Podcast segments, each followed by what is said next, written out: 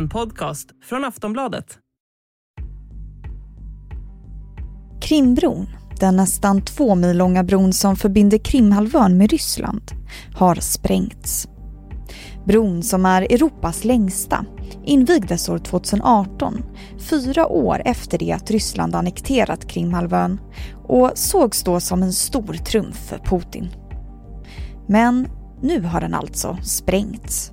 Visserligen inte totalt, bron är delvis åter igång igen, men sprängningen har skakat om rejält i Ukraina-kriget. Putin anklagar Ukraina för sprängningen och kallar det för en terrorhandling och har svarat genom att attackera städer i Ukraina. Omvärlden bevakar nu minsta steg och uttalande som Zelensky och Putin gör om saken. Så vad vet vi om brosprängningen i nuläget? Kan vi vänta oss fler ryska attacker på Ukraina nu framöver? Är brosprängningen anledningen till att Ryssland nu mobiliserar tillsammans med Belarus? Och vad ska man tro om det som vissa experter påstår? Att attacken på Krimbron kan utlösa en rysk attack på ett tredje land. Jag heter Vilma Ljunggren och med mig idag har jag Hugo von Essen, analytiker vid Centrum för Östeuropas studier på Utrikespolitiska institutet. Han får börja med att berätta hur man tror att själva sprängningen har gått till. Ja, det finns ju lite olika teorier där. Eh, men det som eh, verkar vara det mest troliga, eh, det som man har gått ut med, det är att det skulle vara någon lastbil som varit fullastad med olika sprängmedel och sen, sen har exploderat där. Men det finns ju också teorier om att det skulle vara någon distansattack med någon raket eller någon missil från, från Ukraina då. Så att, att man vet inte säkert. Putin menar ju det att det är Zelensky och Ukraina som ligger bakom sprängningen. Vad innebär det? Ja, det innebär ju flera saker. Eh, dels så innebär det att Ukraina eh, är kapabla och villiga att eh, attackera, eh, attackera Krim, eh, vilket får ganska stor betydelse. Dels symbolisk betydelse, eh, därför att Krim var ju det som Ryssland erövrade, annekterade allra först 2014 eh, och som har stor, stor betydelse för Ryssland. Eh, men sen har det också så att säga strategisk betydelse om, om, om Ukraina nu, nu vet man inte säkert, men om Ukraina nu förbereder sig för att eh, ta över, ta tillbaka Krim eh, någon gång i den nära framtiden eh, så har det också stor betydelse. Eh, sen har det också politisk betydelse därför att Eh, jag tror att det är många i västvärlden och i västvärldens huvudstäder, till exempel Washington, eh, Berlin, Paris, eh, många eh, ledare där som är oroliga för att eh, det här skulle kunna leda till eskalation från rysk sida, eh, inklusive eh, kärnvapeneskalation ifall, ifall Ukraina skulle försöka ta över Krim. Nu vet man inte alls säkert vad, och huruvida det faktiskt är så, men, men den rädslan finns. Så att Ukraina, att Ukraina, om det nu är Ukraina, att Ukraina gör det här eh, skickar ju också en väldigt en tydlig sån signal från den ukrainska sidan att man är, villig att, att ta tillbaka varje, varje centimeter av sitt land. Och på tal om eskalation där, eh, Ryssland gick ju precis ut med att de mobiliserar nu tillsammans med Belarus. Kan man se det som ett svar på den här sprängningen? Ja, det, tidsmässigt så, så ligger det i linjen men, men jag tror att också att man ska se det som ett svar generellt på den senaste tidens händelser med de enormt framgångsrika ukrainska motoffensiverna eh, som, som har tagit tillbaka väldigt mycket ukrainskt territorium både på östfronten eh, men också i syd eh, och att man från ryskt håll nu blir allt mer desperat eh, och man har ju den senaste månaden Eh, från på rysk sida tagit eh, eh, ja, en efter en desperata beslut. Eh, först den här mobiliseringen, sen annekteringen eh, och sen nu den här eh, nya mobiliseringen med, med Belarus. Mm. När Putin pekar på att det är Ukraina som ligger bakom där så kallar han det också för en terrorattack. Du som kan krig och alla dess termer, har det någon betydelse ur ett krigsperspektiv att han använder den termen? Eh, att man gör det från rysk sida är ju för att, eh, att säga, visa eller signalera att det här eh, inte är en legitim krigshandling, att det här inte är en, en, en riktig del av kriget utan att det här är någonting Ukraina gör som, som inte är okej, okay, som inte är tillåtet enligt liksom, krigets lagar. och att man gör det från rysk sida, att man försöker måla upp det så, är ju för att den egna befolkningen ska uppröras av det här, ska bli arga, ska känna att nu är det eh, Ukraina som, gör, som utför terroristhandlingar mot Ryssland självt eh, och att den ryska befolkningen därmed ska bli eh, mer eh, så att säga, psykologiskt mobiliserade eh, i, i, kriget och, och, stödja, och stödja kriget. Eh, samtidigt så eh, nämner man ju såklart inte från rysk sida att, att eh, den, som, den sidan som faktiskt utför terrorhandlingar, eh, det är ju Ryssland som, som eh, bombar civil infrastruktur i väldigt, eh, väldigt hög skala, eller stor skala. Ja, på tal om det så har ju Putin nu tagit på sig attackerna som skett i Ukraina. Hur ser du på det? Det här är ju, här är ju väldigt tydligt hämnd och Putin har ju nu eh, själv också eh, gått ut och sagt att det här är ett svar på, på den här sprängningen. Eh, och, och, eh, på så vis eh, så är det ju rätt tydligt från rysk sida att det här handlar om, det handlar om hämnd, eh, det handlar om eh, liksom irrationell ilska från rysk sida. Eh, därför att rent militärt så är det ju inte särskilt vettigt att attackera civil infrastruktur. Jag menar, Ryssland har redan problem med Eh, med att man börjar få, få slut på, på missiler eh, och, att, och att då slösa eh, missiler på att attackera, som nu i, i, i Kiev så att man attackerat ett universitet, en lekplats som har noll militärt värde. Att slösa missiler på det är ju, är ju väldigt korkat ur ett militärt perspektiv. och dessutom, ju mer Ryssland attackerar civil infrastruktur, desto mer stärker man ju motståndskraften och motståndsviljan, eh, ilskan i Ukraina.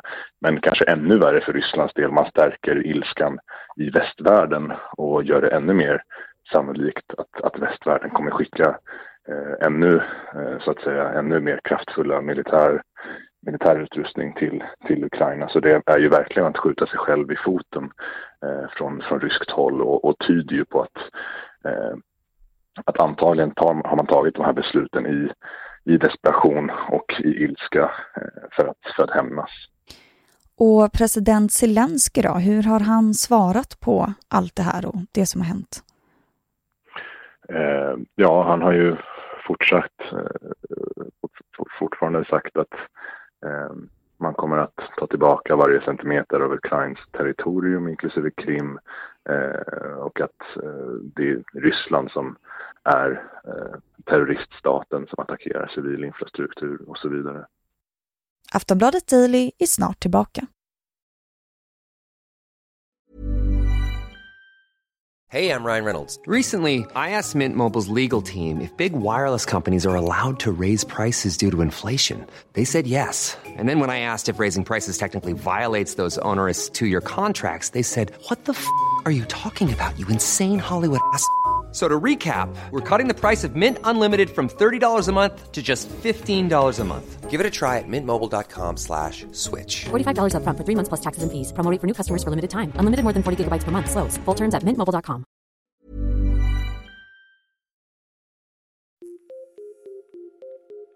Krimbron, som förenar Krimhalvön med Ryssland, är inte vilken bro som helst utan har en historia fulladdad med politik och konflikt.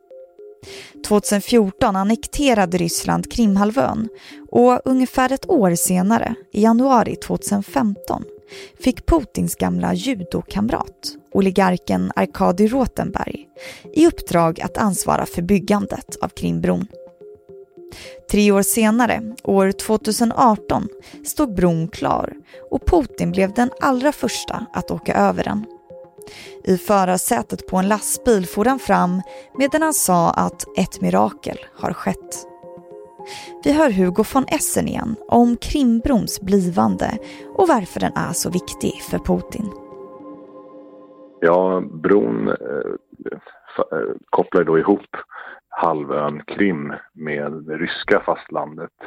Eh, utan den här Kertjbron som den heter så eh, är enda, enda eh, sättet att komma till Krim via land är då eh, från, eh, från det ukrainska fastlandet.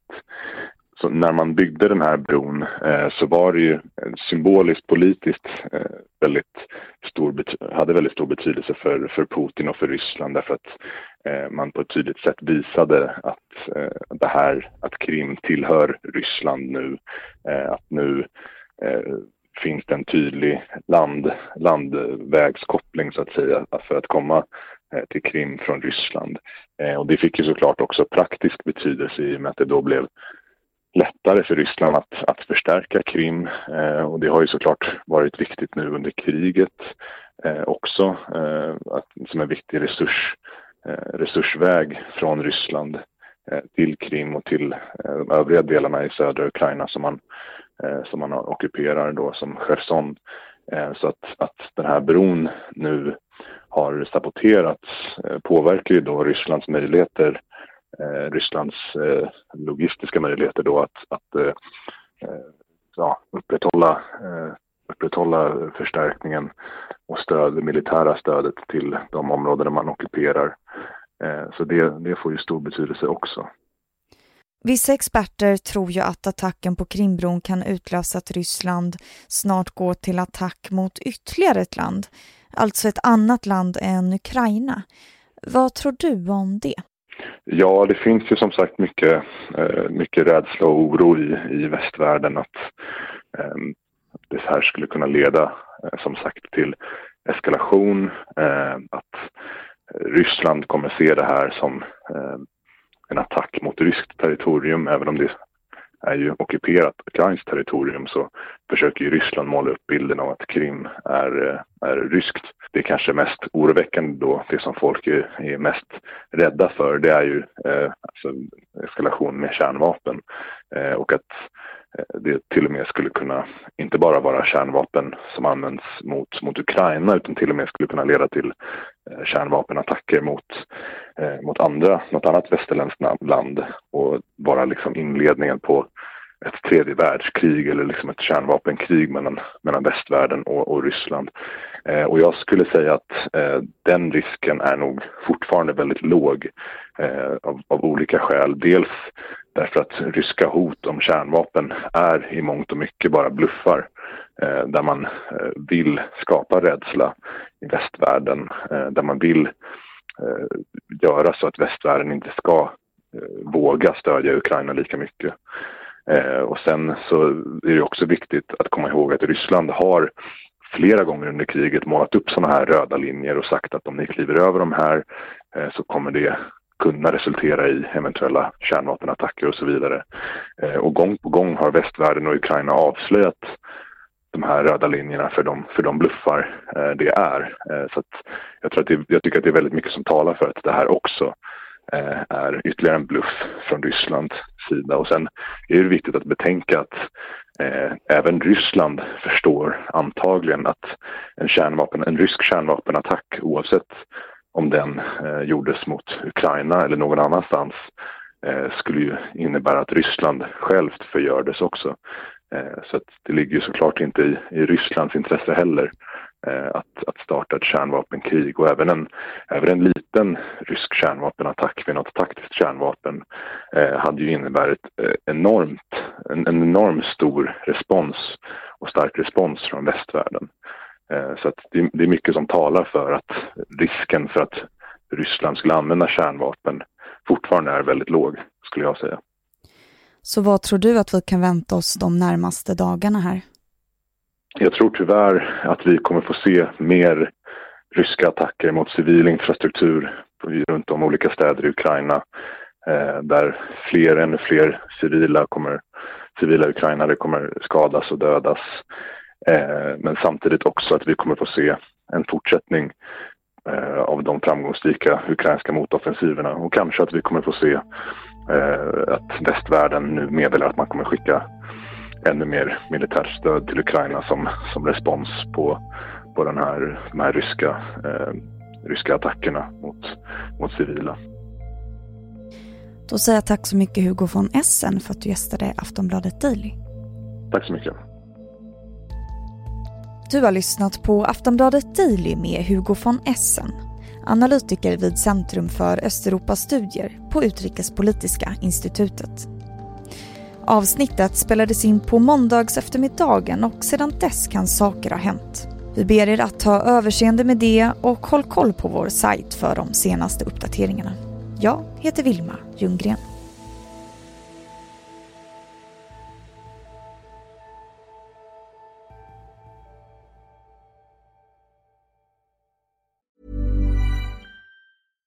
Ready to pop the question? The jewelers at BlueNile.com have got sparkle down to a science with beautiful lab grown diamonds worthy of your most brilliant moments. Their lab grown diamonds are independently graded and guaranteed identical to natural diamonds, and they're ready to ship to your door. Go to BlueNile.com and use promo code LISTEN to get $50 off your purchase of $500 or more. That's code LISTEN at BlueNile.com for $50 off. BlueNile.com code LISTEN. Du har lyssnat på en podcast från Aftonbladet. Ansvarig utgivare är Lena K Samuelsson. Tired of ads barging into your favorite news podcasts? Good news. Ad-free listening is available on Amazon Music for all the music plus top podcasts included with your Prime membership. Stay up to date on everything newsworthy by downloading the Amazon Music app for free or go to amazon.com slash news ad free.